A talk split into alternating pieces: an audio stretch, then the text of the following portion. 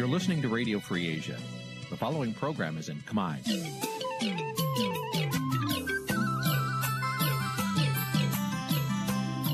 នេះជាកម្មវិធីផ្សាយ Vuthu Azizi Serai នេះជាកម្មវិធីផ្សាយរបស់ Vuthu Azizi Serai ជាភាសាខ្មែរ Vuthu Azizi Serai សូមស្វាគមន៍លោកអ្នកនាងទាំងអស់ពីរដ្ឋធានី Washington នៃសហរដ្ឋអាមេរិកចាសសួស្តីឆ្នាំថ្មី ចាស់ពីរដ្ឋធានី Washington នាងខ្ញុំសុកជីវីសូមជម្រាបសួរលោកអ្នកនាងកញ្ញាដែលកំពុងតាមដានការផ្សាយរបស់ Vuthu Azizi Serai ទាំងអស់ជាទីមេត្រីចាស់យើងខ្ញុំសូមជូនកម្មវិធីផ្សាយសម្រាប់យប់ថ្ងៃអាទិត្យចាស់1រោចខែចែកឆ្នាំខាលចត្វាស័កពុរសករាជ2565ចាស់ត្រូវនឹងថ្ងៃទី17ខែមេសាគ្រិស្តសករាជ2022ចាស់ជាដំបូងនេះសូមអញ្ជើញលោកអ្នកនាងស្ដាប់ព័ត៌មានប្រចាំថ្ងៃដែលមានមេត្តាដូចតទៅ thank you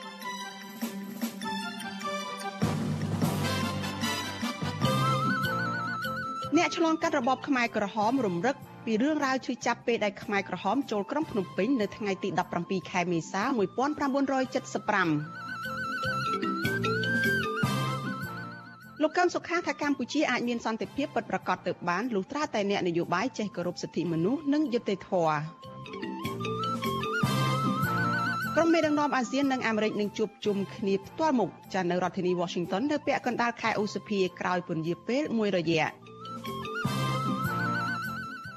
បណ្ដាញព្រៃឡង់ថាវិនិស្សកម្មព្រៃឈើកើតមានកាន់តែខ្លាំងខណៈដែលការបោះឆ្នោតក្រុមប្រឹក្សាឃុំសង្កាត់កាន់តែខិតជិតមកដល់រួមនឹងព័ត៌មានសំខាន់សំខាន់មួយចំនួនទៀតចាជាបន្តទៅទៀតនេះនាងខ្ញុំសុជីវីសូមជូនព័ត៌មានទាំងនេះពិស្ដា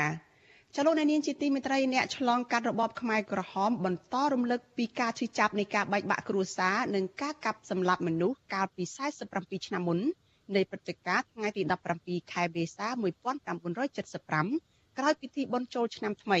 ចានៅពេលដែលកងទ័ពកុម្មុយនីសខ្មែរក្រហម បានវាយលុកចូលទីក្រុងភ្នំពេញដួលរំលំរបបសាធារណរដ្ឋខ្មែររបស់សេនាប្រមុខលន់នល់ចាអតីតអ្នករងគ្រោះនៅក្នុងរបបខ្មែរក្រហមរំលឹកថាពួកគាត់ចងចាំមិនភ្លេចទេអំពីរឿងរ៉ាវអតីតកាលដ៏ឈឺចាប់និងអំពាវនាវឲ្យអ្នកនយោបាយនិងអ្នកដឹកនាំប្រទេសបច្ចុប្បន្ននេះចាគុំទុកខ្មែរដូចជាសត្រូវនឹងគ្នា ហើយត្រូវតែរួបរวมគ្នាឯកភាពជាតិដើម្បីកុំឲ្យប្រវត្តិសាស្ត្រអាក្រក់មួយនេះកើតឡើងម្ដងទៀតចាលោកមួងណារ៉េតរាយការណ៍ព័ត៌មាននេះកាលពី47ឆ្នាំមុនក្រោយចប់ពិធីបុណ្យចូលឆ្នាំថ្មីប្រពៃណីខ្មែរគឺនៅថ្ងៃទី17មេសាឆ្នាំ1975គឺជាពេលវេលាចលាចលខ្លាំងបំផុតដោយសារតែកងទ័ពកុម្មុយនីសខ្មែរក្រហម បានវាយលុកចូលដល់ទីក្រុងភ្នំពេញ។ ភ្លាមភ្លាមនោះក្រមខ្មែរក្រហមបានបង្កើតរបបដឹកនាំថ្មីមួយដោយដាក់ឈ្មោះថាកម្ពុជាប្រជាធិបតេយ្យពលរដ្ឋខ្មែរជាច្រើន នៅតែចងចាំព្រឹត្តិការណ៍នោះដដែលបើទោះបីជាវាកន្លងហួសផុតទៅជិត5ទសវត្សរ៍ទៅហើយក្តីមូលហេតុគឺដោយសារតែព្រឹត្តិការណ៍នោះគឺជារបបនយោបាយដ៏សំខាន់ដែលនាំទៅរកការកាប់សម្លាប់និងការបាត់បង់ជីវិតប្រជាពលរដ្ឋខ្មែររាប់លាននាក់អតីតជនរងគ្រោះក្នុងរបបខ្មែរក្រហម និងបច្ចុប្បន្នជាអនុប្រធានក្រុមប្រឹក្សាភិបាល នៃគណៈបកសង្គ្រោះជាតិក្រៅប្រទេសលោកលីសុខាថ្លែងថាបើទោះបីជាព្រឹត្តិការណ៍ក្រុងភ្នំពេញបានធ្លាក់នៅក្នុងកណ្ដាប់ដៃកងទ័ពកុម្មុយនីសខ្មែរក្រហមកន្លងផុតទៅរយៈពេល47ឆ្នាំក៏ដោយក៏លោកនៅតែនឹកឃើញរឿងរ៉ាវដែលមិនអាចបំភ្លេចទុក្ខវេទនាការនិរិះព្រាត់ប្រាសនឹងបែកបាក់គ្រួសារនិងការឈឺចាប់ទាំងនោះបានទេលោកថាកាលពីថ្ងៃទី17ខែមេសាឆ្នាំ1975លោកមានអាយុ14ឆ្នាំ ពេលនោះគ្រួសាររបស់លោករស់នៅខាងកើតផ្សារអូរស័យក្រុងភ្នំពេញដោយលោកបានឃើញក្រុមទាហានបាក់ទ័ពរបស់សាធារណរដ្ឋខ្មែរនិងប្រជាពលរដ្ឋជាច្រើនលើកទង់ជ័យសពីពេញក្រុងដោយគិតថាកងទ័ពសាធារណរដ្ឋខ្មែរនិងកងទ័ពខ្មែរក្រហមអាចចរចាបញ្ចប់សង្គ្រាមនាំមកនូវសេចក្តីសុខសាន្តត្រានជូនប្រជាពលរដ្ឋលោករៀបរាប់បន្តទៀតថាក្រោយចូលក្រុងភ្នំពេញមិនទាន់ស្រួលបួលផង កងទ័ពខ្មែរក្រហមចាប់ផ្ដើមបាញ់គ្រាប់កំភ្លើងឡើងលើឬសូរសំឡេងភ្ញាក់ផ្អើលពេញទីក្រុង ដោយពួកនោះប្រើអំពើហិង្សាគំរាមកំហែងបណ្ដេញប្រជាពលរដ្ឋឲ្យចាក់ចេញពីលំនៅឋានទាំងបង្ខំហើយមន្ត្រីរាជការនិងទាហានមួយចំនួនត្រូវពួកនោះបាញ់សម្លាប់នៅនឹងកន្លែងលោកបញ្ជាក់ថាពេលនោះមនុស្សម្នាចាប់កាន់បង្វិចខោអាវដើរតាមដងផ្លូវយ៉ាងកកខុញចេញពីទីក្រុងភ្នំពេញ ចំណែកឯគ្រួសាររបស់លោកវិញពួកគេត្រូវជំនះតាមផ្លូវស្ទឹងមានជ័យទៅកាន់ខេត្តតាកែវហើយបន្ទាប់មកជំនះទៅខេត្តកំពង់ចាមសម្លេងអាវុធហ្នឹងពីពេញទីក្រុងភ្នំពេញហ្នឹងគឺថាបណ្ដេញហ្មងបណ្ដេញជាបន្ទាន់ឲ្យចុះចេញហើយនោះនេះចេញទៅទោះបីអ្នកខ្លះនឹងមានឪពុកម្ដាយឈឺឬក៏ជនពិការនៅក្នុងផ្ទះហ្នឹងបង្ខំខ្លួនត្រូវទុកចោលឬក៏លើកនោះនេះសែងឬក៏ដាក់អតេះអីណាដែលអាចយកទៅកើត ស្រដៀងគ្នានេះដែរអតីតជនរងគ្រោះនៅក្នុងរបបខ្មែរក្រហមម្នាក់ទៀតនិងបច្ចុប្បន្នជាមន្ត្រីសម្របសម្រួលអង្គការលីកាដូប្រចាំខេត្តស្វាយរៀងលោកនុតបូប៉ុនរ័ត្នរៀបរាប់ថាចំថ្ងៃពិធីបុណ្យចូលឆ្នាំខ្មែរនៅក្នុងព្រឹត្តិការណ៍ថ្ងៃទី17ខែមេសាឆ្នាំ1975នោះលោកនៅតែចាំជាប់ដិតដាមនៅក្នុងចិត្តរហូតដល់បច្ចុប្បន្ននេះដោយអំពើខូខើពីកងទ័ពខ្មែរក្រហមនោះលោកថាចំនួននោះលោកមានអាយុ14ឆ្នាំដែរនិងរស់នៅតំបន់បរិយកៃឡា លោកបានឃើញកងទ័ពខ្មែរក្រហមបានបើករទេះតង់ដោតទង់ពណ៌ក្រហមប្រកាសតាមមេក្រូឲ្យប្រជាពលរដ្ឋទទួលស្វាគមន៍ការរំដោះប្រទេសដ៏ជោគជ័យរបស់ពួកគេលោកបន្តថាប្រជាពលរដ្ឋចាប់ផ្ដើមភ័យស្លន់ស្លោក្រោយពេលដែលកងទ័ពខ្មែរក្រហមបង្ខំឲ្យចាក់ចេញពីក្រុងភ្នំពេញភ្លាមៗហើយគ្រួសាររបស់លោកត្រូវបានជំលះទៅរស់នៅស្រុកត្រាំកក់ខេត្តតាកែវចំណែកឯតាមដងផ្លូវវិញលោកប្រទះឃើញមនុស្សស្លាប់ជាហូរហែ យើងមើលឃើញទស្សនវិជ្ជាការថ្ងៃយើងចេញពីទីក្រុងភ្នំពេញហើយអ្នកមូលដ្ឋានគេឲ្យថាពោះពួកអ្នក7មេសាហ្នឹងបើយើងចេញពីទីក្រុងភ្នំពេញទៅយើងឃើញព្រឹត្តិការណ៍ទាំងអស់ហ្នឹងឃើញខ្មោចឃើញតាមផ្លូវឃើញអីហ្នឹងយើងមានការផិតភ័យខ្លាំងហើយឃើញតបថ្ងៃក្រហមនិយាយថ្ងៃពេញហ្នឹងដេញមនុស្សដេញអីវានៅមានការផិតភ័យពីរបបប៉ុលពតហ្នឹងមកអញ្ចឹងទៅចេញមកដល់នៅថ្ងៃនេះយើងនៅអតីតតាមអាការផិតភ័យរឿងចម្បាំងរឿងអីចឹង ពួកខ្មែរក្រហមបានបណ្ដេញប្រជាពលរដ្ឋចេញពីទីក្រុងភ្នំពេញដោយបង្ខំឲ្យទៅរស់នៅតាមទីជនបទចុងកាត់មាត់ញោកនិងតាមតំបន់ព្រៃភ្នំ ក្នុងស្ថានភាពលំបាកអត់ឃ្លាន ការធ្វើទរណកម្មធ្វើការហួកម្លាំងនិងឈឺថ្កាត់គ្មានថ្នាំព្យាបាលត្រឹមត្រូវនិងអំពើខុសខើផ្សេងផ្សេងទៀតមូលហេតុទាំងនេះបូករួមទាំងការកាប់សម្លាប់ផងបណ្ដាលឲ្យប្រជាពលរដ្ឋស្លាប់ជិត2លាននាក់នៅក្នុងចំណោមប្រជាពលរដ្ឋខ្មែរសរុបជិត8លាននាក់នៅគ្នានោះ ក្រៅពីជនរងគ្រោះនៅក្នុងរបបខ្មែរក្រហមអតីតកម្មាភិបាលជាន់ខ្ពស់ខ្មែរក្រហមខ្លួនឯងក៏បានទទួលស្គាល់ដែរថាព្រឹត្តិការណ៍17មេសានោះគឺជាចំណុចចាប់ផ្ដើមនៃមហន្តរាយនៅកម្ពុជា ជាមួយរឿងនេះអតីតជនរងគ្រោះនៅក្នុងរបបខ្មែរក្រហមនិងបច្ចុប្បន្នជាប្រធានសហភាពសហជីពកម្ពុជាលោករងឈុនថ្លែងថាថ្ងៃទី17ខែមេសាលោកចងចាំនៅក្នុងអារម្មណ៍ជានិច្ចដែលកងទ័ពខ្មែរក្រហមវាយកាន់កាប់ក្រុងភ្នំពេញដោយជំនះសាច់ញាតិរបស់លោកមកស្រុកកំណើតនៅស្រុកស្អាងខេត្តកណ្ដាល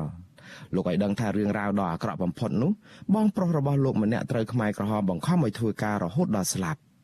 លោករងឈុនបន្ថែមទៀតថាប្រវត្តិសាស្ត្រដ៏ជូរចត់មួយនេះគឺជាមេរៀនសម្រាប់អ្នកនយោបាយខ្មែរត្រូវរួបរวมសាមគ្គីគ្នា ដើម្បីផលប្រយោជន៍ជាតិដោយទប់ស្កាត់កុំឲ្យប្រវត្តិសាស្ត្រសាដានឡើងវិញលោកបញ្ជាក់ថាមានតែការដឹកនាំប្រទេសតាមបែបប្រជាធិបតេយ្យតាមរយៈការបោះឆ្នោតដោយសេរីត្រឹមត្រូវនិងយុត្តិធម៌ទើបអាចមានសន្តិភាព និងសុខសាន្តត្រានជូនប្រជាពលរដ្ឋពិតប្រាកដ។ បើទោះបីជាយ៉ាងនេះក្តីលោកព្រួយបារម្ភចំពោះការដឹកនាំរបស់រដ្ឋាភិបាលបច្ចុប្បន្នដែលកំពុងតែដើរចាក់ឆ្ងាយពីគន្លងប្រជាធិបតេយ្យនិងផ្ទុយពីស្មារតីនៃកិច្ចព្រមព្រៀងសន្តិភាពទីក្រុងប៉ារី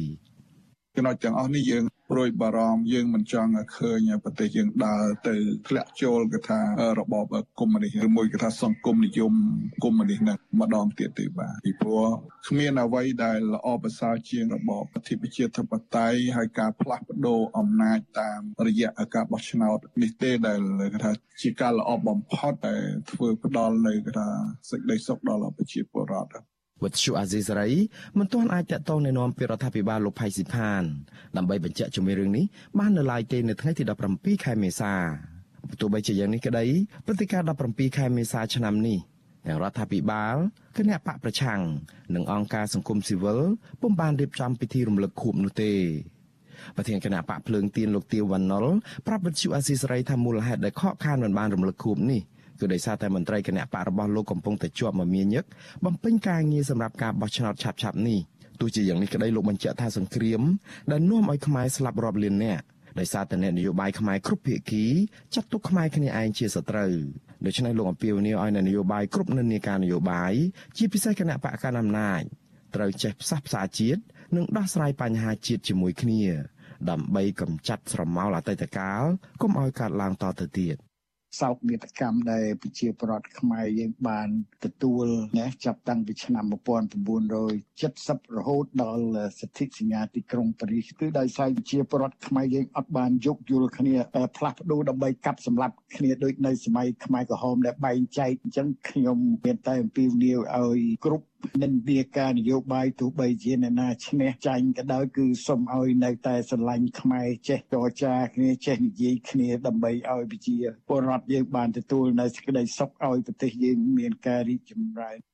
ការរំលឹកព្រឹត្តិការណ៍ឈឺចាប់កាលពីអតីតកាលនោះអ្នកធ្លាប់រងគ្រោះនៅក្នុងរបបខ្មែរក្រហមអំពាវនាវឲ្យអ្នកនយោបាយនិងអ្នកដឹកនាំប្រទេសកុំធ្វើរឿងដដែលដដែលកុំចាត់ទុកគ្នាឯងជាសត្រូវឈប់រើសអើងគ្នាឈប់លៀបពណ៌គ្នា និងឈប់សាងភាពឈឺចាប់ឲ្យគ្នា ជាពិសេសសកម្មភាពទាំងឡាយណាដែលប៉ះពាល់ដល់អាយុជីវិតមនុស្ស ពួកគេចង់ឃើញអ្នកនយោបាយខ្មែរគ្រប់និន្នាការត្រូវរើគ្នានិងបដិញ្ញាចិត្តរួមគ្នាជាជាតិមួយដើម្បីពង្រឹងលទ្ធិប្រជាធិបតេយ្យនិងការគោរពសិទ្ធិមនុស្សឲ្យសមស្របតាមរដ្ឋធម្មនុញ្ញនិងគោលការណ៍អន្តរជាតិសម្រាប់ប្រយោជន៍ជាតិទាំងមូលខ្ញុំបាទមុងណារ៉េត With you Assisary ប្រធានាទី Washington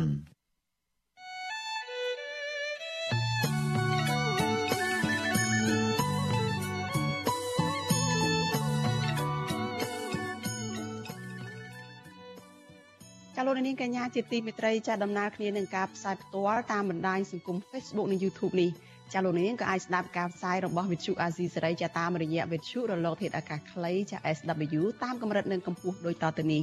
ចាប់ពេលព្រឹកចាប់ពីម៉ោង5កន្លះដល់ម៉ោង6កន្លះតាមរយៈរលកធាតុអាកាសខ្លី12140 kHz ស្មើនឹងកម្ពស់ 25m និង13715 kHz ស្មើនឹងកម្ពស់ 22m ចាប់ពេលយប់ចាប់ពីម៉ោង7កន្លះដល់ម៉ោង8កន្លះតាមរយៈរលកធាតុអាកាសខ្លី9960 kHz ស្មើនឹងកម្ពស់ 30m និង12140 kHz ស្មើនឹងកម្ពស់ 25m ចានឹង11885 kHz ស្មើនឹងកម្ពស់ 25m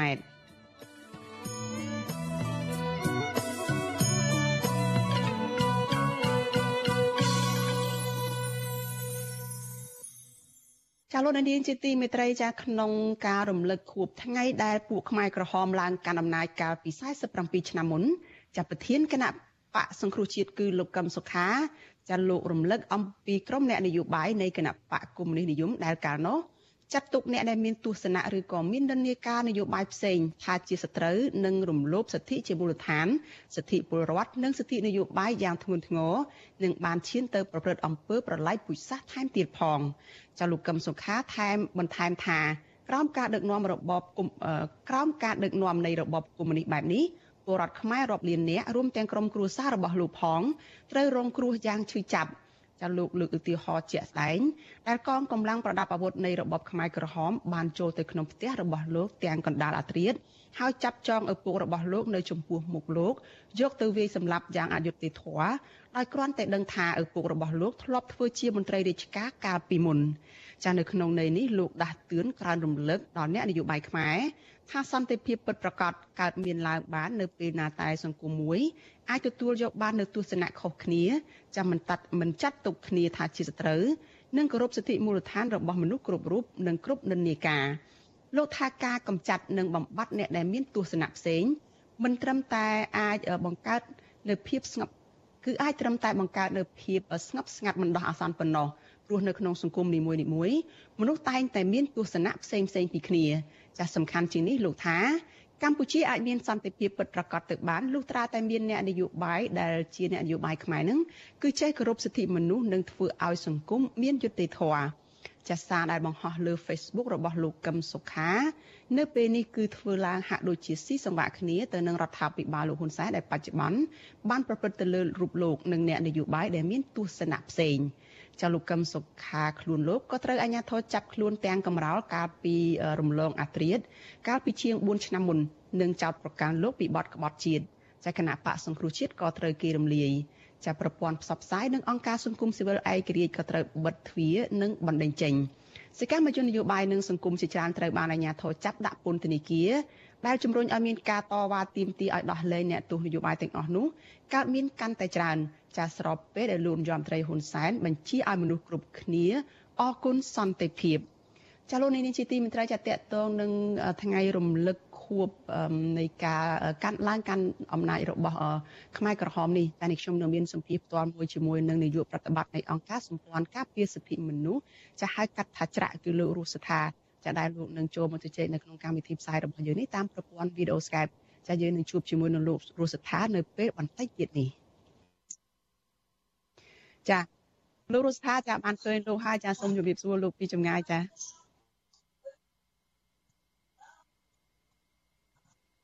ចាលោករូបស្ថាខ្ញុំមិនទាន់បានឮពីខាងលោកនៅឡើយទេចាសួស្តីឆ្នាំថ្មីចាលោកស្ថាចា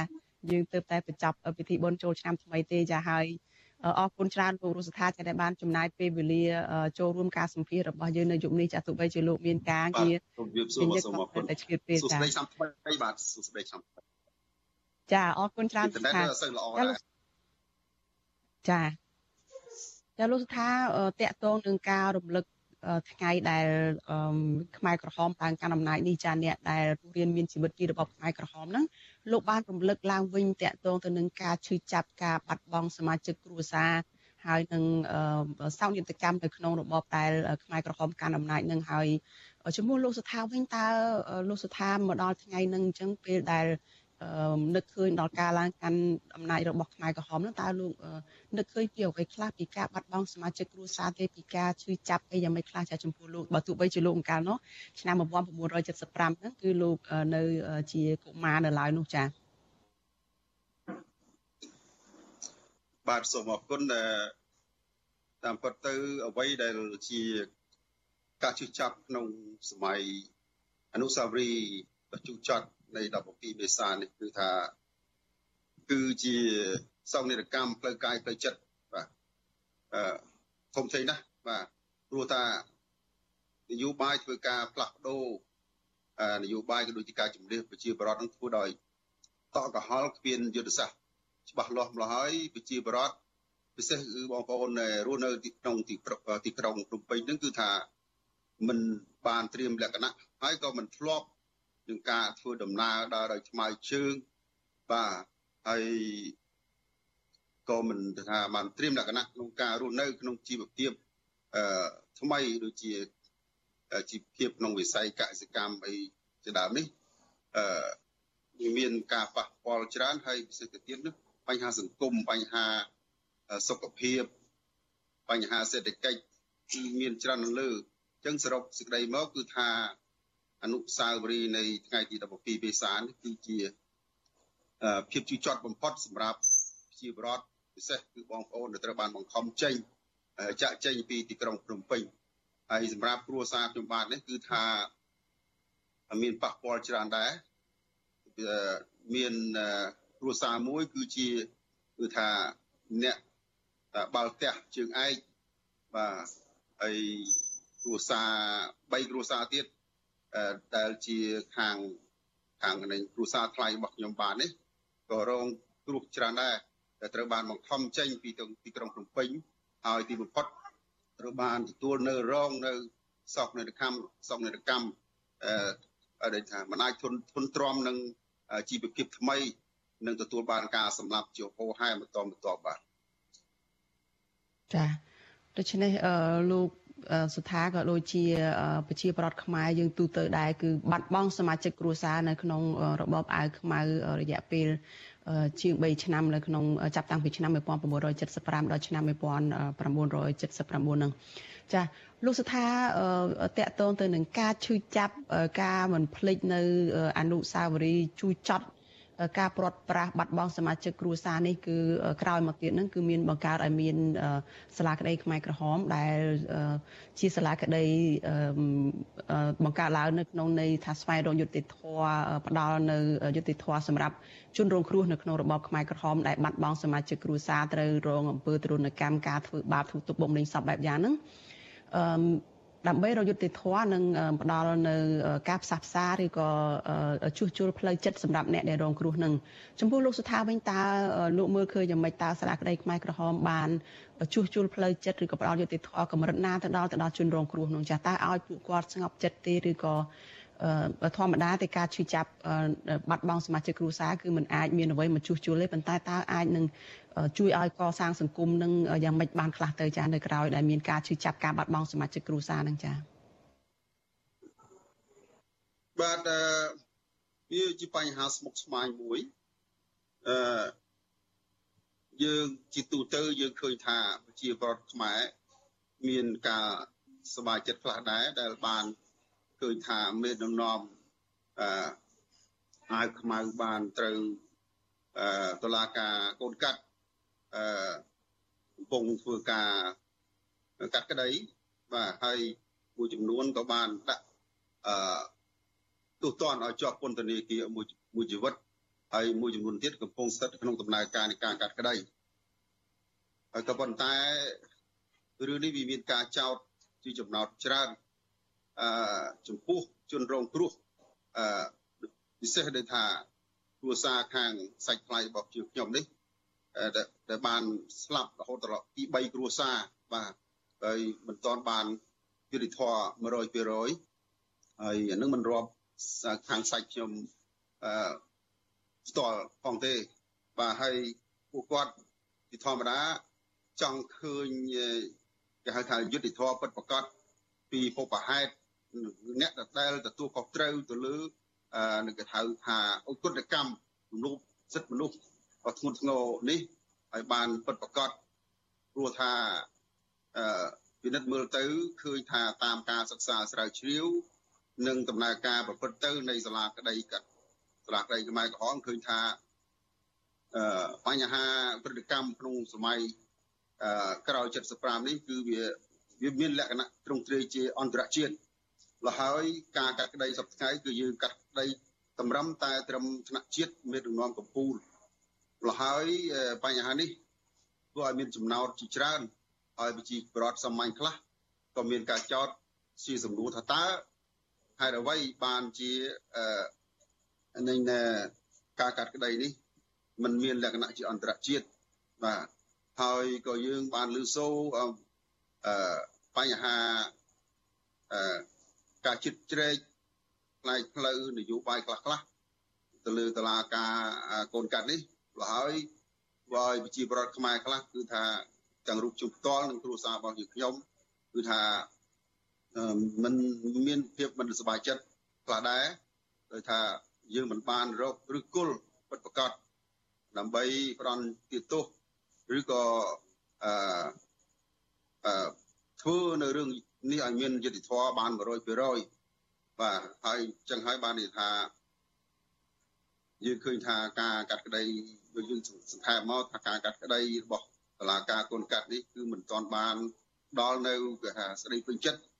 100%ទេសម្រាប់ប្រជាពលរដ្ឋខ្មែរពិសេសគឺសម្រាប់លោកខ្ញុំផ្ទាល់ក៏ដូចជា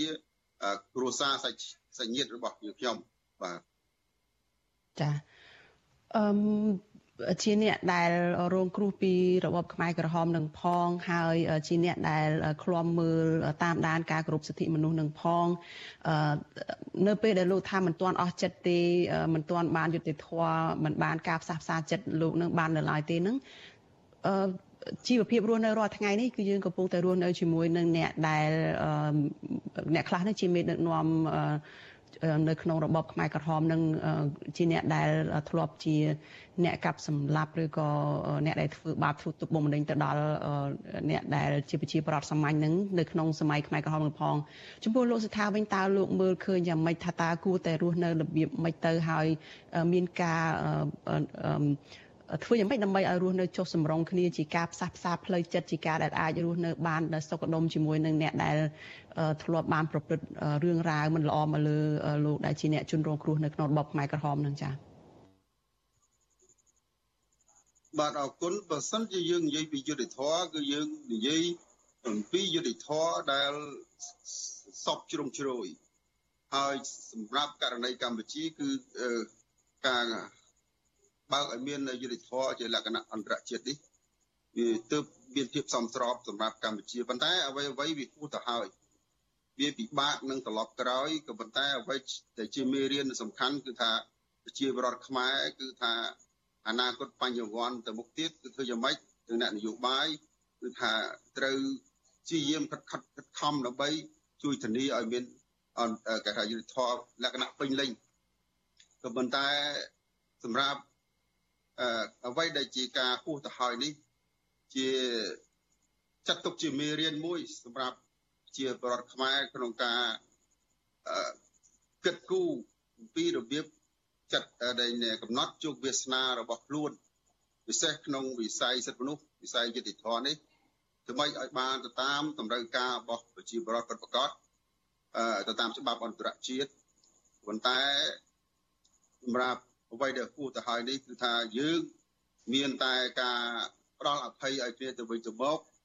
ហើយយើងរស់នៅក្រោមមនុស្សប្រធរគឺថាយើងគិតអំពីការកសាងអនាគតទៅមុខជាជាងដែលថាយើងអឺដែលឈឺចាប់ពីអតីតកាលកន្លងមកចឹងអ្វីដែលថាអ្វីដែលជាការកើនឡើងពីអតីតកាលដោយ ព្រះពុទ្ធជាម្ចាស់លោកបានសម្ដែងគឺថាយើងមិនមែនថាឲ្យយើងអឺមិនគិតទេឲ្យយើងគិតប៉ុន្តែឲ្យយើងយកជាមេរៀនយកជាមេរៀនដើម្បីអឺកុំឲ្យបញ្ហាកំហុសដដែលដដែលហ្នឹងគឺកើតមកទៀតទាំងប្រតិកម្មទាំងការរបៀបនៃការផ្ដល់យុត្តិធម៌ជូនប្រជាពលរដ្ឋហើយគឺថាយើងមានតែសិក្សាដើម្បីឲ្យកិច្ចការនេះ បានត្រូវដោះស្រាយទៅបានជាបានទៅចិត្តយើងទី1ខ្ញុំសូមសង្ខេបមកវិញថាត្រូវគិតអំពីអនាគតជាងអតីតកាលហើយយើងអាចឧស្សាហ៍សិក្សារៀនសូត្រផ្នែកផ្នែកខាងផ្លូវពធដើម្បីឲ្យបានស្ងប់រងាប់ក្នុងក្នុងផ្លូវចិត្តរបស់យើងអានេះគឺថាហើយទី3ទៅទៀតគឺថាយើងត្រូវកសាងអនាគតមួយដែលជាអនាគតដែលប្រជាប្រដ្ឋកម្ពុជារបស់យើងពិតចង់បាន ទាំងផ្លូវនយោបាយបាទសូមអរគុណចាអឺលោករស់ស្ថាននិយាយអំពីទៅថ្ងៃអនាគតនឹងចំពោះលោកកឹមសុខាដែលលោកជាប្រធានគណៈបកសង្គ្រោះជាតិហើយលោកកំពុងតែជាប់រឿងក្តីក្តាំនៅតុលាការតាក់ទងនឹងអឺអំពើការចោទប្រកាន់អំពីការក្បត់ជាតិអីហ្នឹងអឺលោកកឹមសុខាលើកឡើងថាដើម្បីឲ្យជៀសផុតពីមេរៀនចាស់ចាស់គឺ អ្នកនយោបាយនឹងត្រូវតែគោរពសិទ្ធិមនុស្សហើយត្រូវតែអនុវត្តឲ្យមានយុត្តិធម៌នៅក្នុងសង្គមលោកសុថាមើលឃើញយ៉ាងម៉េចចាដើម្បីឲ្យកម្ពុជានឹងមានការគោរពសិទ្ធិមនុស្សមានយុត្តិធម៌នឹងសង្គមនឹងបានហើយដើម្បីឲ្យអ្នកដែលជាអ្នករងគ្រោះនឹងបានទទួលយុត្តិធម៌នឹងផងដើម្បីដើម្បីឲ្យថាអ្នករងគ្រោះនឹងគឺ មិនមែនគ្រាន់តែបង្រៀនខ្លួនឯងឲ្យទទួលយកនៅការរស់នៅក្នុងសង្គមការដែលអភ័យឲ្យគ្នានឹងទេតែតែក៏គាត់គួរតែបានយុត្តិធម៌ដើម្បីឲ្យគាត់នឹងបានដឹងថាអ្នកដែលបានប្រព្រឹត្តនឹងគឺទទួលនៅអ្វីដែលគេបានប្រព្រឹត្តនឹងដែរតែធ្វើអ្វីអាក្រក់គឺបានអាក្រក់ទៅវិញអីចឹងទៅតើធ្វើយ៉ាងម៉េចទៅទៅថ្ងៃអនាគតនឹងដើម្បីបានរឿងអស់នឹងមកដល់ប្រជាពលរដ្ឋយើងចា៎ បាទរឿងស្មុគស្មាញតែប៉ុន្តែជារឿងពិបាកប៉ុន្តែមិនមែនជាអ្វីដែលយើងមិនអាចធ្វើបានទេដោយខ្ញុំតែងតែនិយាយទី1គឺថាគ្រប់អ្នកពាក់ព័ន្ធទាំងអស់គឺត្រូវយកបញ្ហាប្រទេសជាតិជាធំបាទជាជាមណ្ឌលនៃការដោះស្រាយបញ្ហានៃការកសាងប្រទេសកន្លងមករឿងបញ្ហា17មេសានេះដោយសារតែយើងមិនបានយកបញ្ហាប្រទេសជាតិជាធំយើងដោះស្រាយរឿងពីរក្នុងពេលតែមួយ ការដោះស្រាយបញ្ហាឈ្លានពានរបស់ប្រទេសជិតខាងផងដោះស្រាយបញ្ហានយោបាយកុម្មុយនីសនិងសេរីផងបញ្ហាវណ្ណៈអីជាដើមលហើយរឿងនេះมันអាចដោះស្រាយបានទេបើសិនជាយើងស្រឡាញ់ជាតិពិតប្រាកដគឺថាយើងត្រូវគិតបញ្ហាប្រទេសជាតិជាជាជាជាអតិភិបសិនតើយើងត្រូវដោះស្រាយបញ្ហានយោបាយឬក៏យើងដោះស្រាយបញ្ហាការឈ្លានពានអញ្ចឹងរឿងយើងសពថ្ងៃក៏ដូចគ្នាដែរថា អឺយើងត្រូវដាក់ទរៈទាំងអស់បាទរឿងបញ្ហាបុគ្គលបញ្ហាបកពួកគឺយើងត្រូវយើងនៃយកបញ្ហាជាតិជាធំហើយបញ្ហាជាតិជាធំនឹងគឺបានគូវិសរួចទៅហើយក្នុងកិច្ចព្រមព្រៀងសន្តិភាពក្រុងប៉ារីសក៏ដូចជារដ្ឋធម្មនុញ្ញកម្ពុជា ដែលខ្មែរគ្រប់រូបដែលនេះជាឆ្នាំជាផ្លូវទៅហើយឲ្យតែយើងអនុវត្តទៅតាមរដ្ឋធម្មនុញ្ញនិងកិច្ចព្រមព្រៀងសន្តិភាពក្រុងប៉ារីសទៅ បញ្ហាការរំលោភសិទ្ធិមនុស្សអសោកនិរកម្មផ្សេងផ្សេងគឺថាវាលែងមានហើយបាទអានឹងគឺជាជាកត្តាសំខាន់ប៉ុន្តែ សំខាន់មនុស្សយើងសប្ថ្ងៃមិនទាន់បានដាក់ទរៈហើយមិនបានយកកិច្ចព្រមព្រៀងប៉ារីសក៏ដូចជាគេហៅថារដ្ឋធម្មនុញ្ញជាជាជាជាព្រះទេជាជាមូលដ្ឋានធំសម្រាប់យើងទេបាទអញ្ចឹងនៅមានបញ្ហាឯកជនបញ្ហាបកនៅលីឡំ លហើយធ្វើឲ្យយើងដោះស្រាយបញ្ហាអត់ចេញទេបាទអញ្ចឹងទី2គឺថាយើងត្រូវអឺជាពលរដ្ឋខ្មែរគឺត្រូវត្រូវស្របតាមរដ្ឋធម្មនុញ្ញត្រូវតែពង្រឹងខ្លួនឲ្យរឹងមាំឲ្យប្រើប្រាស់នៅច្បាប់រដ្ឋធម្មនុញ្ញថាប្រជាប្រដ្ឋគឺជាម្ចាស់ជោគវាសនារបស់ប្រទេសជាតិហើយប្រជាប្រដ្ឋគឺអំណាចទាំងអស់គឺរបស់ប្រជាប្រដ្ឋ បើសិនជាប្រជាបរតមិនរឹងមាំទេវាដូចប្រវត្តិសាស្ត្រកន្លងមកអញ្ចឹងគឺថាចង់លោកខ្មែរក្រហមធ្វើអីក៏ធ្វើទៅចង់លោកអ្នកនយោបាយនៅឡើងមកធ្វើអីក៏ធ្វើទៅបាទហើយប្រជាបរតយើងអត់អត់មានរេចដូចជាស្បប3ឆ្នាំ8ខែ8ថ្ងៃអញ្ចឹងគឺថាកងឆ្លកដេញអាយុ14ឆ្នាំ12ឆ្នាំហ្នឹងកាន់កាភ្លើងប្រជាយើងគឺថាបើយើងចេះតែធ្វើតាមពួកវាទៅ ពួកពួកគាត់ហ្នឹងទៅហើយយើងគ្មានគេហៅថាការរៀបចំអីជាយន្តការប្រជាប្រដ្ឋដើម្បីតស៊ូមតិឬក៏ប្រឆាំងនឹងអង្គើអស់ទៅនោះបានទេថាយើងកម្ពុជាយើងគឺប្រជាប្រដ្ឋមានតែប្រជាប្រដ្ឋដែលប្រើប្រាស់អំណាចប្រជាប្រដ្ឋនឹងឲ្យបានទលំទលាយឲ្យបានរឹងមាំទៅតាមច្បាប់ទើបតាមច្បាប់ជាសកលឬច្បាប់សិទ្ធិមនុស្សឬក៏ច្បាប់ជាតិឲ្យបានច្បាស់លាស់ឲ្យ បានរឹងមាំទើបកម្ពុជាយើងអាចយកឈ្នះនៅគេថា evil ណាថាចិត្តបិសាចអស់ទៅនឹងបានបើមិនអញ្ចឹងទេគឺថាកម្ពុជាយើងមិនអាចដោះស្រាយអឺរឿងរឿងរឿងប្រទេសជាតិយើងបានទេហើយយើងនៅតែពឹងនៅនេះពឹងនៅនោះអញ្ចឹងហើយទី3គឺថាយើងត្រូវគោរពនៅអ្វីដែលជាត្រាំជាឱសថអន្តរជាតិមានដូចជាស្តីប្រកាសជាសកលស្តីមន្ទីរសិទ្ធិមនុស្សគឺច្បាប់អន្តរជាតិជាដើមឡាក់នេះគឺថា គោរពឲ្យបានម៉ត់ចត់ព្រោះទាំងអស់នោះឯងច្បាប់និងបទដ្ឋានក៏ដូចជាឧបករណ៍ច្បាប់ទាំងនោះតែជួយឲ្យយើងរស់បានសេចក្តីសុខស្រីចម្រើនគឺថាកុំឲ្យមានចលាចលហើយប្រកបដោយសុភមង្គលបើយើងនិយាយពីសុភមង្គលនិងការអភិវឌ្ឍនេះតាបាទគឺថានេះគឺថាបើសិនជាខ្ញុំនិយាយជាសង្ខេបមកបែបផ្លែគឺមាន3ចំណុចហ្នឹងចាំបាច់សម្រាប់ឲ្យកម្ពុជាយើងអាចឈ្មោះទៅរក ការរស់នៅដែលសង្គមមួយដែលដែលមានសក្តិរមនីហើយគេហៅថាដែលអ្នកធ្វើផលអីបានកម្មនឹងបានបាទហើយពុទ្ធសាសនាមិនមែនថាអឺឲ្យយើងមកភ្លេចនៅគេថាអំពើអាក្រក់អតីតកាលទេក៏ប៉ុន្តែប៉ុន្តែពុទ្ធសាសនាគឺសំខាន់គឺថាបើយើងចង់និយាយថាបើសិនជាយើងដាំដើមស្វាយផ្លែមកវាត្រូវផ្លែស្វាយហើយប៉ុន្តែឥឡូវនេះបើសិនជាយើងមិនអនុវត្តអ្វីដែលខ្ញុំបានលើកឡើងនោះទេដាំផ្លែស្វាយមុខជាចេញផ្លែក្រូចហើយបាទ ចាអរគុណច្រើនលោកសុថាចាដែលបានផ្ដល់ការសម្ភាសនៅយុគនេះចាលោកសុថាគឺជានាយកប្រតិបត្តិនៃអង្គការសម្ព័ន្ធការពារសិទ្ធិមនុស្សកម្ពុជាហៅកាត់ថាច្រាក់ចាសូមជម្រាបលាលោកត្រឹមប៉ុណ្ណេះជូនពរលោកសុខភាពល្អចាសួស្តីឆ្នាំថ្មីបាទសួស្តីឆ្នាំថ្មីអរ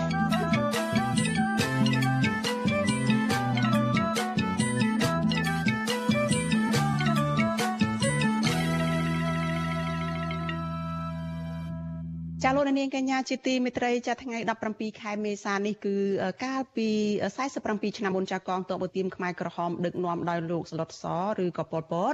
វាដណ្ដើមបានទីក្រុងភ្នំពេញពីរដ្ឋាភិបាលសាធារណរដ្ឋខ្មែរដែលដឹកនាំដោយលោកសេនាប្រមុខលន់នល់ចាការឡើងការអំណាចភ្លាមរបស់ខ្មែរក្រហមពុំបានចាប់ផ្ដើមផ្សះផ្សាជាតិក្រោយសង្គ្រាមបង្ហូរឈាមរវាងខ្មែរនិងខ្មែរគ្នាឯងនោះអស់រយៈពេលជាង5ឆ្នាំនោះទេ ចាប់ផ្ទុយទៅវិញខ្មែរក្រហមបានបណ្ដេញមនុស្សចេញពីទីក្រុងនិងសម្លាប់អតីតទាហាននិងមន្ត្រីនៃរបបមុនចាប់ពួកគេបានសាបព្រោះមនោគមវិជ្ជាជ្រុលនិយមនៃបដិវត្តកុម្មុយនីសដោយបញ្ឆេះកំហឹងនិងលៀបពណ៌គ្នាឯងឲ្យមានការស្អប់ខ្ពើមគ្នាចាសសេចក្តីរាយការណ៍ពិស្ដារអំពីរឿងនេះនឹងផ្សាយជូនលោកនាងស្ដាប់នៅពេលបន្តិចទៀតនេះ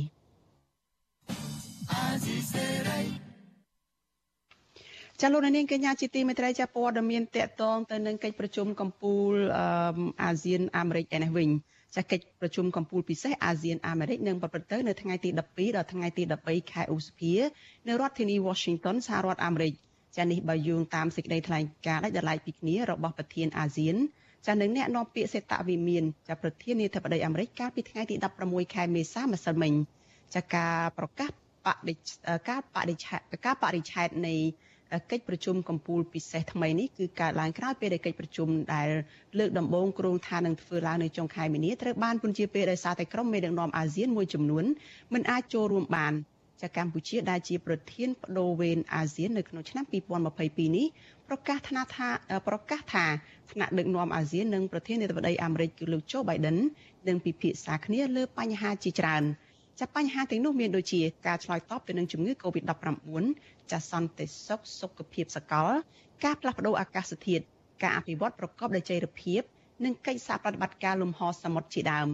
ក្រៅពីនេះក្រុមមេដឹកនាំក៏នឹងពិភាក្សាអំពីបញ្ហាអភិវឌ្ឍធនធានមនុស្សការអប់រំចំណងតាក់ទងរវាងប្រជាជននិងប្រជាជនទំនាក់ទំនងសេដ្ឋកិច្ចព្រមទាំងបញ្ហាតំបន់និងអន្តរជាតិដែលជាកង្វល់រួមចាត់ទន្ទឹមនឹងនេះ ថ្នាក់ដឹកនាំអាស៊ាននិងអាមេរិកក៏គ្រោងនឹងដាក់ចេញនៅទិសដៅអនាគតនៃទំនាក់ទំនងរវាងអាស៊ាននិងអាមេរិកហើយនឹងលើកកម្ពស់ភាពជាដៃគូយុទ្ធសាស្ត្រជាផលប្រយោជន៍រួមនៃប្រជាជាតិអាស៊ាននិងអាមេរិកចារីឯអ្នកនាំពាក្យសេតវិមានប្រធានាធិបតីអាមេរិកគឺអ្នកស្រី Jen Psaki វិញអ្នកស្រីបញ្ជាក់ថា កិច្ចប្រជុំកម្ពុជាពិសេសនេះនឹងបង្ហាញឲ្យឃើញពីការបដិញ្ញាចិត្តដ៏យូរអង្វែងរបស់សហរដ្ឋអាមេរិកចំពោះតំបន់អាស៊ានចាអ្នកស្រីថារដ្ឋបាលលោកប្រធានាធិបតីโจ Biden ដាក់ចេញនូវអាទិភាពកម្ពុជាធ្វើជាដៃគូដ៏រឹងមាំនិងគួរឲ្យទុកចិត្តនៅក្នុងតំបន់អាស៊ីអាគ្នេយ៍ចាអ្នកនាំពាក្យសេតវិមានប្រធានាធិបតីអាមេរិករូបនេះក៏សង្កត់ធ្ងន់ថាបំណងប្រាថ្នារួមរបស់សហរដ្ឋអាមេរិកគឺចង់ឲ្យមាននៅតំបន់ Indo-Pacific មួយដែលសេរី បើកចំហមានសន្តិសុខការតភ្ជាប់និងមានភាពធន់ចេះកិច្ចប្រជុំកម្ពុជាពិសេសនេះនឹងធ្វើដោយផ្អែកទៅលើការចូលរួមរបស់ប្រធានាធិបតីអាមេរិកនៅក្នុងកិច្ចប្រជុំកម្ពុជាអាស៊ានអាមេរិកកាលពីខែតុលាឆ្នាំកន្លងទៅដែលពេលនោះប្រធានាធិបតីអាមេរិកផ្ដល់ប្រកាសផ្ដល់ថវិកាជាង100លានដុល្លារទៅដល់តំបន់អាស៊ាន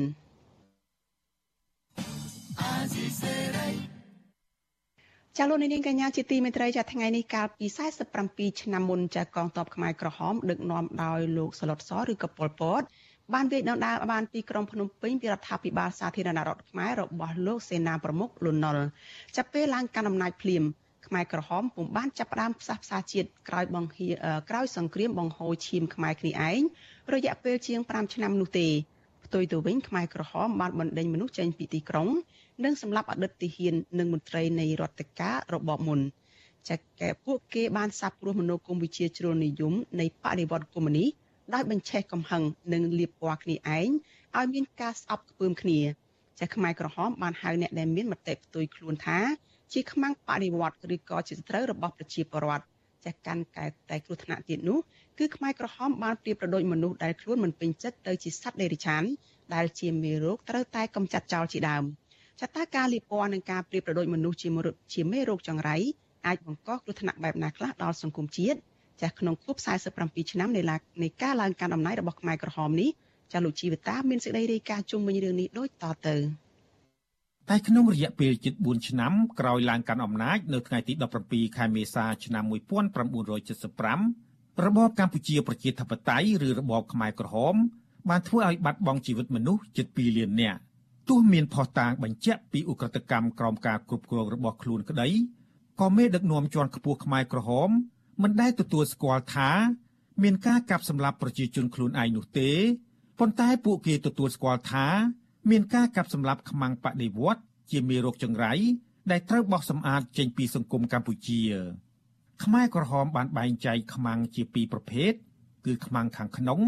និងខ្មាំងខាងក្រៅខ្មាំងខាងក្នុង គឺជាប្រជាជនខ្មែរខ្លួនឯងដែលមិនយល់ស្របតាមមាគ៌ាបដិវត្តនៃបកកុម្មុយនីសកម្ពុជារីឯខ្មាំងខាងក្រៅវិញខ្មែរក្រហមសម្ដៅដល់ជនបរទេសដូចជាវៀតណាម និងចក្រពត្តិអាមេរិកជាដើមបកកុម្មុយនីសកម្ពុជា ដែលជាអង្គការដឹកនាំកម្ពុជានៃរបបខ្មែរក្រហមតែងបារម្ភអំពីអ្វីដែលពួកគេហៅថាខ្មាំងស៊ីរូងផ្ទៃក្នុងនាយកមជ្ឈមណ្ឌលឯកសារកម្ពុជាលោកឆាំងយុឲ្យដឹងថា កម្មាភិបាលខ្មែរក្រហមបានយកពាក្យខ្មាំងនេះមកបកស្រាយនិងអនុវត្តតាមអំពើចិត្តបណ្ដាលឲ្យមនុស្សស្លូតត្រង់រាប់ម៉ឺននាក់ត្រូវបានចោទប្រកាន់លាបពណ៌និងសម្លាប់ចោល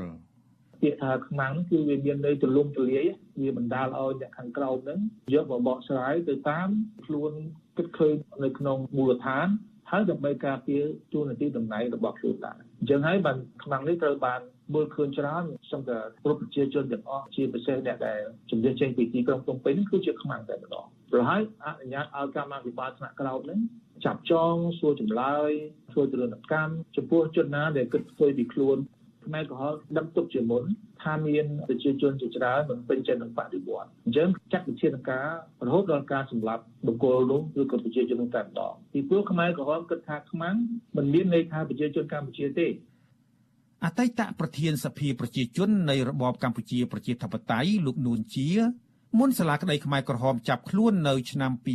2007លោកបាននិយាយប្រាប់អ្នកកាសែត Johnny Man TV នៅផ្ទះរបស់លោកក្នុងខេត្តបៃលិនថា ការសម្លាប់ខ្មែរគ្នាឯងនៅពេលនោះពិតជាកើតមានប៉ុន្តែពួកគេជាខ្មាំងដែលក្បត់ជាតិខ្លួនឯងលោកនួនជានិយាយទាំងមោទនភាពថាកម្ពុជារស់មកដល់សពថ្ងៃ គឺដោយសារខ្មែរក្រហមបានបោសសម្អាតពួកក្បត់ទាំងនោះខ្ញុំមិនហៅទៅកម្មអភិបាលអីទេទេពួកពួកនេះវាក្បត់ជាភ្នាក់ងាររបស់បរទេសពលពលក៏មិនមានហេតុតកទេក៏សម្រាប់ដោះស្រាយមនុស្សដែលក្បត់ជាតិក្បត់ប្រជាជនលក់ដីឲ្យបរទេសក៏ដឹងចំហវៀតណាមច្បាស់ទេប្រហែល100ឆ្នាំហើយដែលគេចង់យកលេបកម្ពុជាបើស្ទុកពួកហ្នឹងបាត់ប្រទេសជាតិស្លាប់ប្រជាជនគ្មានកម្ពុជាសល់ដល់ឥឡូវទេខ្ញុំដូចគ្មានការសោកស្ដាយទេ ខ្ញុំសោកស្ដាយជាតិខ្ញុំជាងស្ដាយមេទាស្ដាយគោចំហរបស់កម្ពុជាប្រជាធិបតេយ្យខ្ញុំស្ដាយមេដឹកនាំកម្ពុជាខ្មែរក្រហមតែងសង្ស័យថា ការធ្វើបដិវត្តសង្គមនិយមរបស់ខ្លួនដែលមិនសូវចម្រើនទៅមុខនោះគឺដោយសារតែមានចលនារំខានរបស់ខ្មាំងខាងក្រៅនិងខ្មាំងខាងក្នុង ដែលពលពតហៅថាពួកក្បាលយួនខ្លួនខ្មែរឬពពួកសត្វដេរិឆានដែលត្រូវបោះសម្អាត ក្នុងពេលថ្លែងសន្ទរកថាទៅកាន់សមាជិកគណៈកម្មាធិការមជ្ឈិមនៃបកកុម្មុយនីសកម្ពុជានិងថ្នាក់ដឹកនាំជាន់ខ្ពស់ខ្មែរក្រហមមកពីតាមបណ្ដាខេត្តនៅក្នុងខែធ្នូឆ្នាំ1976នាទីក្រុងភ្នំពេញប៉ុលពតបានថ្លែងសារដ៏គួរឲ្យព្រឺព្រួចថាពួកយើងត្រូវបង្កើនកម្ដៅដើម្បីដុតកំទេចខ្មាំងលាក់មុខបករបស់យើងមានជំងឺផ្ទៃក្នុងជាយូរឆ្នាំមកហើយគឺតាំងពីសម័យតស៊ូម្លេះ នោះក៏ដោយសារតែកម្ដៅបដិវត្តរបស់យើងនៅពេលនោះមិនទាន់ក្តៅពេញទើបយើងមិនអាចស្វែងរកឃើញមេរោគចង្រៃទាំងនោះឥឡូវនេះក្នុងគ្រាដែលបដិវត្តសង្គមនិយមរបស់យើងរលទៅមុខយើងអាចមើលឃើញមេរោគចង្រៃអាក្រក់ទាំងនោះប្រសិនបើយើងកាយកប់មេរោគចង្រៃទាំងនោះពួកវានឹងបង្កភាពស្អុយរលួយចេញពីក្នុងមកបំផ្លាញយើងទៀតពួកវានឹងបំផ្លាញសង្គមបំផ្លាញបកនិងបំផ្លាញកងទ័ពរបស់យើងខ្សែក្បត់ដែលយើងទើបបានកំទេចថ្មីថ្មីនេះ ពួកវាបានមានផែនការសម្ងាត់តាំងពីនៅសម័យតស៊ូម្លេះប៉ុន្តែក្នុងឆ្នាំ1976ពេលដែលបដិវត្តវណ្ណៈរបស់យើងមានសន្ទុះខ្លាំងក្លាទើបធ្វើឲ្យមេរោគចង្រៃជាច្រើនទាំងនោះងើបក្បាលឲ្យយើងឃើញដែលយើងត្រូវកំទេចចោលទស្សនាវដ្តីនៃរបបកម្ពុជាប្រជាធិបតេយ្យមួយឈ្មោះទងបដិវត្តចេញផ្សាយមួយខែម្ដង គឺសម្រាប់អប់រំបំពាក់បំពន់ស្មារតីកម្មាភិបាលជាន់ខ្ពស់ខ្មែរក្រហម នាយកមជ្ឈមណ្ឌលឯកសារកម្ពុជាលោកឆាងយុបញ្ជាក់ថា ទស្សនាវដ្តីនេះតែមានសំណេរប្រៀបប្រដូចខ្មាំងឬមនុស្សដែលខ្មែរក្រហមមិនពេញចិត្តទៅនឹងសត្វធាតដែលទុកក៏មិនចំណេញដកចេញក៏មិនខាតជាភើទងបរិវត្តដែលខ្ញុំអានសរសេរពាក្យធ្ងន់ធ្ងរណាបាទក្នុងការហៅមនុស្សម្នាក់យើងស្ដាប់ទៅយើងគិតថាហៅមនុស្សជាសត្វមិនមែនហៅមនុស្សទេ ពីសត្វដេរឆានអីអញ្ចឹងគឺមានហើយក្នុងការលើកប្រើពាក្យសម្ដីទៅលើអ្នកទោសដែលជាស្ត្រីហ្នឹងក៏ដូចគ្នាដែរក្នុងខ្សែផ្នែកពេកហ្នឹងគឺជាមនុស្សមិនល្អគឺជាដង្កើរបស់សង្គមគឺជាមូលហេតុដែលធ្វើឲ្យបរិវត្តបរាជ័យអញ្ចឹងត្រូវតែកម្ចាត់ចោលការប្រៀបប្រដូចមនុស្សទៅជាសត្វដេរឆានឬជាមេរោគចង្រៃអ្វីមួយ គឺជាការបន្ទាបបន្ថោកតម្លៃមនុស្សឲ្យស្មើនឹងសត្វធាតធ្វើឲ្យបាត់បង់ភាពថ្លៃថ្នូរជាមនុស្ស ប្រវត្តិសាស្ត្របង្ហាញថា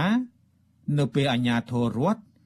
ឬបុគ្គលស្ថិតក្នុងអំណាចរដ្ឋចាត់ទុកមនុស្សក្រុមណាមួយដែលខ្លួនមិនពេញចិត្តថាជាសត្វធាតនោះវាតែងបណ្ដាលឲ្យកើតមានអំពើហិង្សានិងការកាប់សម្លាប់ពីព្រោះពួកគេប្រើប្រាស់កម្លាំងប្រដាប់អាវុធនិងធនធានរដ្ឋដើម្បីឃោសនាញុះញង់ឲ្យមានការស្អប់ខ្ពើម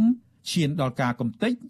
ឬបំបត្តិក្រុមមនុស្សដែលពួកគេហៅថាជាសត្វដេរឆាន ឬអមនុស្សនោះ ឧទាហរណ៍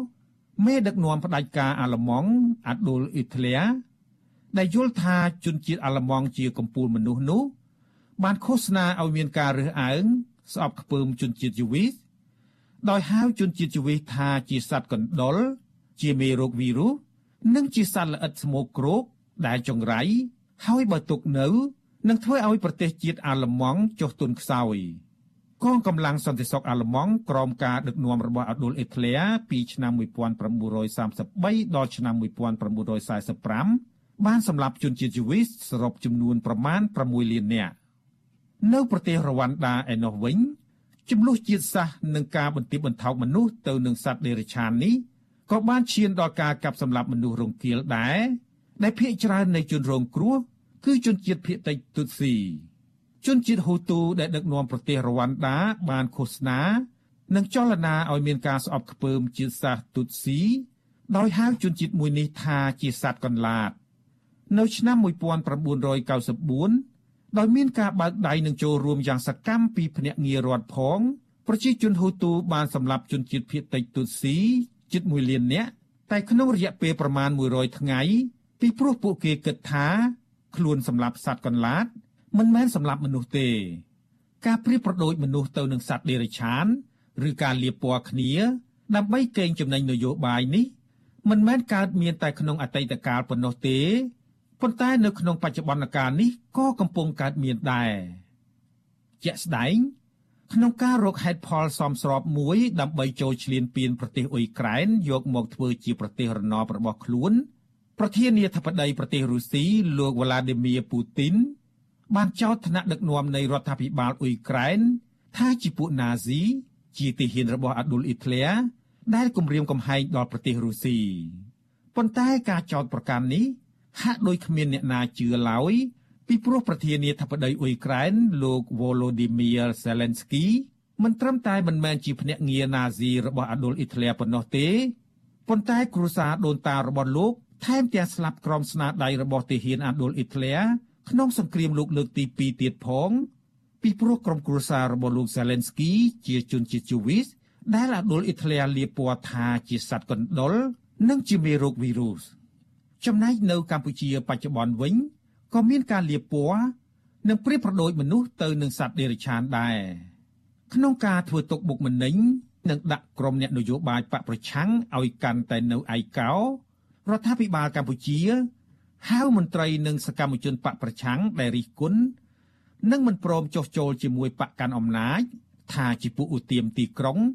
ឬក្រុមឧទាមក្រៅច្បាប់រីឯការបន្ទាបបន្ថោកមនុស្សជាសត្វធាតវិញនោះថ្មីថ្មីនេះរដ្ឋលេខាធិការក្រសួងព័ត៌មានលោកជុំកុសល បានហៅពលរដ្ឋខ្មែរដែលចេញតវ៉ាជាប្រចាំដើម្បីរកយុត្តិធម៌ឲ្យខ្លួនឯងនិងសង្គមផងនោះថាជាមេរោគចង្រៃ ចុះផ្សាយនៅថ្ងៃទី29មីនាក្នុងគេហទំព័រ Facebook របស់ខ្លួនឈ្មោះកុសលជុំអមដោយរូបថតបាតុករមួយក្រុមតូចដែលមានកញ្ញាសេងធីរី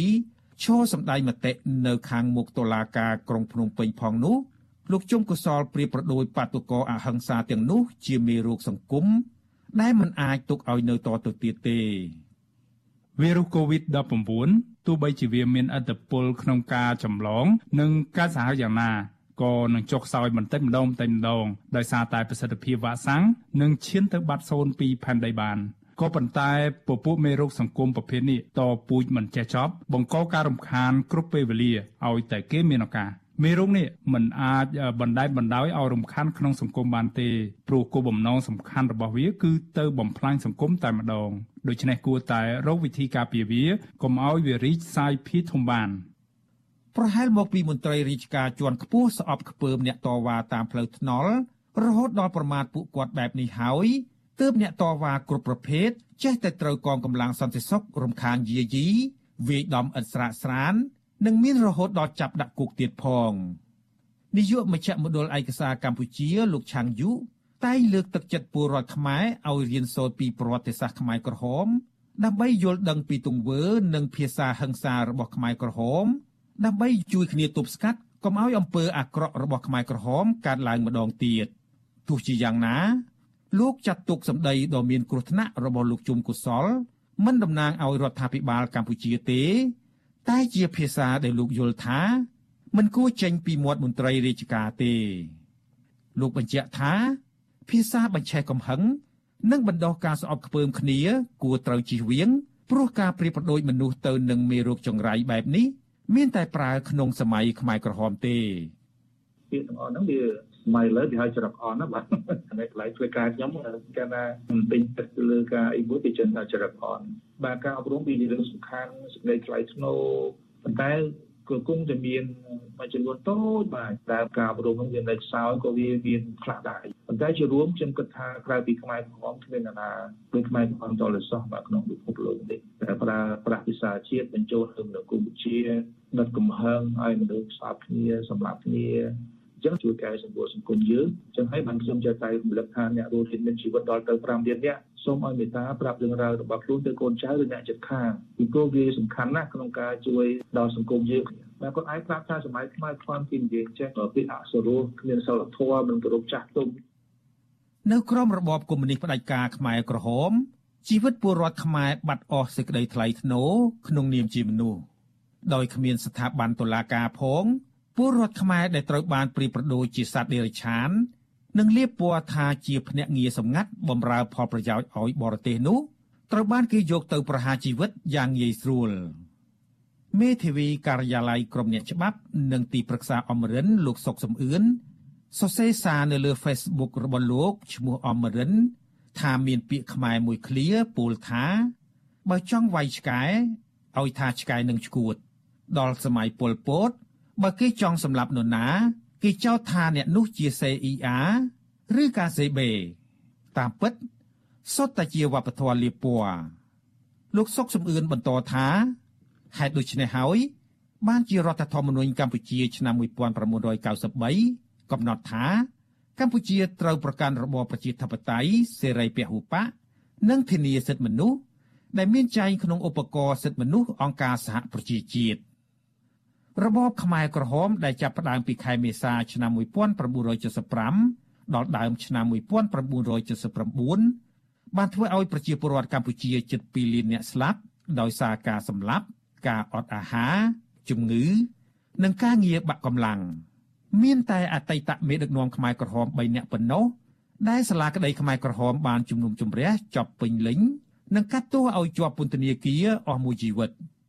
អ្នកទាំង3នោះ មានលោកខៀវសំផនដែលបច្ចុប្បន្នកំពុងរស់នៅក្នុងពន្ធនាគារនិងពីរនាក់ទៀតដែលបានស្លាប់កាលពីឆ្នាំ2019និង2020ទៅហើយនោះគឺលោកនួនជា និងកាំងកៃអៀវហៅដូចខ្ញុំជីវិតាអាស៊ីសេរីចាលោកនាងកញ្ញាជាទីមេត្រីចាតតទៅនឹងការការពារធនធានធម្មជាតិវិញម្ដងចាព្រៃបណ្ដាញព្រៃឡង់បានរកឃើញវិនិស្សកម្មព្រៃឈើកើតមានកាន់តែខ្លាំងនៅឯខេត្តព្រះវិហារ ស្របពេលដែលការបោះឆ្នោតឃុំសង្កាត់ចិត្តចូលមកដល់ចាពលរដ្ឋចោតអាជ្ញាធរមូលដ្ឋានថាបានបើកដៃឲ្យជនល្មើសចូលកាប់ឈើដោយសេរីដើម្បីជាធ្នូបោះឆ្នោតឲ្យគណៈបកកណ្ដាលអំណាចនៅពេលខាងមុខសកម្មជនការពារព្រៃឈើព្រួយបារម្ភពីទង្វើរបស់អាជ្ញាធរនេះថាពាក់ព័ន្ធនឹងភាពហិនហោចនៃព្រៃឈើនៅពេលខាងមុខចាលុសនចន្ទរដ្ឋារាយការណ៍អំពីរឿងនេះសមាជិកបណ្ដាញសហគមន៍ព្រៃឡង់បានចលបាតព្រៃកាលពីថ្ងៃទី13ខែមេសា ដោយរកឃើញមកល្មើសព្រៃឈើបន្តការបំផ្លាញកាន់តែខ្លាំងគណៈការបោះឆ្នោតជិតចូលមកដល់ពួកគាត់ទើបតែដាក់ញត្តិកាលពីថ្ងៃទី29ខែមីនាទៅក្រសួងបរិស្ថានដើម្បីឲ្យអាជ្ញាធរបញ្ឈប់បលល្មើសព្រៃឈើក៏ប៉ុន្តែមិនទទួលបានលទ្ធផលនោះទេសមាជិកបណ្ដាញសហគមន៍ព្រៃឡង់លោកស្រីថៃបានប្រាវិទ្យាអាស៊ីសេរីថ្ងៃទី17ខែមេសាថាអាជ្ញាធរមូលដ្ឋានបើកដៃឲ្យជនល្មើសចូលកាប់ព្រៃឡង់ហិនហោចឈើធំធំនិងឈើពិនិត្យពិនិត្យ លោកអះអាងថាបលល្មើសការឡើងខ្លាំងអំឡុងពេលបុណ្យជួសឆ្នាំខ្មែរលោកថាមន្ត្រីបរិស្ថានមិនអើពើទប់ស្កាត់ជនល្មើសទេព្រោះខ្លាចបាត់បង់សិលឹកឆ្នោតរបស់ពួកគេមុនចូលឆ្នាំមួយថ្ងៃ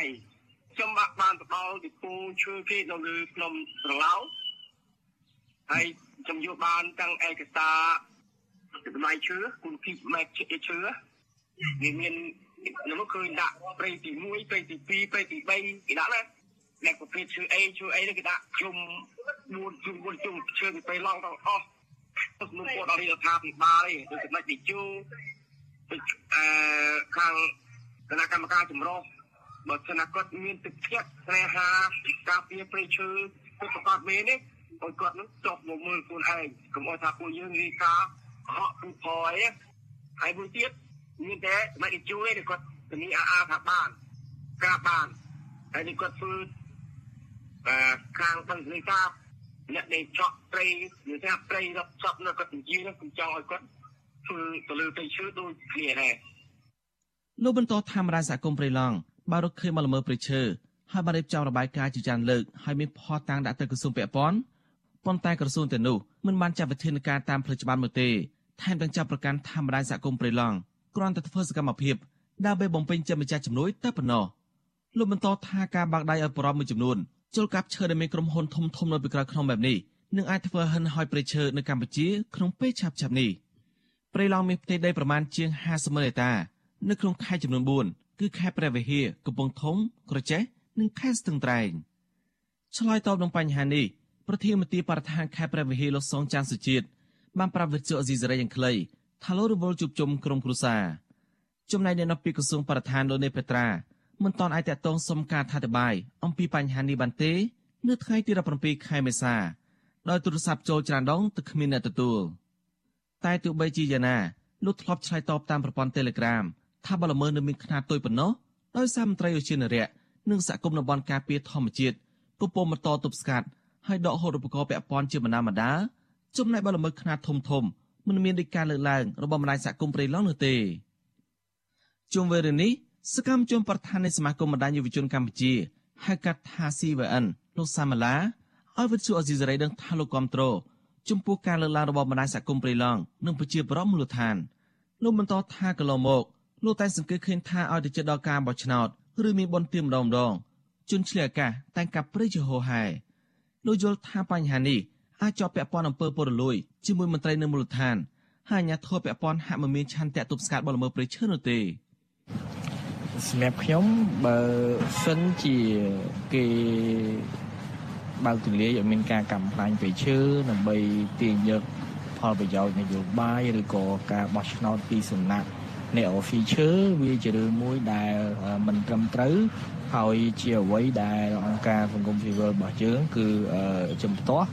បាទហើយស្នើឲ្យអាជ្ញាធរពាក់ព័ន្ធទាំងអស់គឺពង្រឹង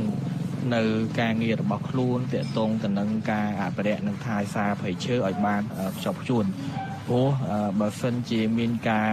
កើនឡើងខ្លាំងត្បិតតែអ្នកនៅក្នុងតំបន់គេបោះឆ្នោតគ្រប់តពួកគាត់ប៉ុន្តែប្រជាជននៅទូទាំងប្រទេសផ្សេងទៀតអាចសម្ដែងការមិនពេញចិត្តនិងបោះឆ្នោតទៅឲ្យដៃគូប្រកួតប្រជែងរបស់រដ្ឋាភិបាលរបាយការណ៍របស់អ្នកស្រាវជ្រាវសាកលវិទ្យាល័យ Copenhagen របស់ប្រទេសដេណឺម៉ាក បានស្រាវជ្រាវអំពីព្រៃឡង់កាលពីឆ្នាំ2019ឲ្យដឹងថាចាប់តាំងពីឆ្នាំ2000ដល់ឆ្នាំ2019បានបាត់បង់ព្រៃប្រមាណ47000ហិកតាចំណែករបាយការណ៍ថ្មីរបស់ការលើកលែងទោសអន្តរជាតិ Amnesty International ក្នុងឆ្នាំ2021ឲ្យនឹងថាព្រៃឈើជាង6000ហិកតាក្នុងដែនចម្រុះសត្វព្រៃធំចំនួន2គឺដែនចម្រុះសត្វព្រៃឡង់និងព្រៃប្រែរកាត្រូវបានជលមើកាប់បំផ្លាញតាមរយៈការទទួលសំណូកនិងការប្រព្រឹត្តអំពើពុករលួយរបស់អាជ្ញាធរពាក់ព័ន្ធ របាយការណ៍ដដែលបញ្ជាក់ថាការកាប់ឈើខុសច្បាប់យ៉ាងសន្ធឹកសន្ធាប់យ៉ាងនេះកំពុងផ្ដល់ផលប៉ះពាល់ធ្ងន់ធ្ងរដល់សិទ្ធិនិងវប្បធម៌របស់ជនជាតិដើមភាគតិចខ្ញុំសនចាររថាវិទ្យុអេស៊ីសេរីរាយការណ៍ពីរដ្ឋធានីវ៉ាស៊ីនតោន ចាលោកនាងកញ្ញាជាទីមេត្រីចាការផ្សាយរយៈពេល1ម៉ោងរបស់វិទ្យុអាស៊ីសេរីនៅយប់នេះចាចាប់ត្រឹមតែប៉ុណ្ណេះចានាងខ្ញុំសុជីវីព្រមទាំងក្រុមការងារទាំងអស់នៃវិទ្យុអាស៊ីសេរីចាសូមជូនពរដល់លោកនាងកញ្ញានិងក្រុមគ្រួសារទាំងអស់ចាឲ្យជួបប្រកបតែនឹងសេចក្តីសុខចាចម្រើនរុងរឿងកុំបីឃ្លៀងឃ្លាតឡើយចានាងខ្ញុំសូមអរគុណនិងសូមជម្រាបលាចាសួស្តីឆ្នាំថ្មី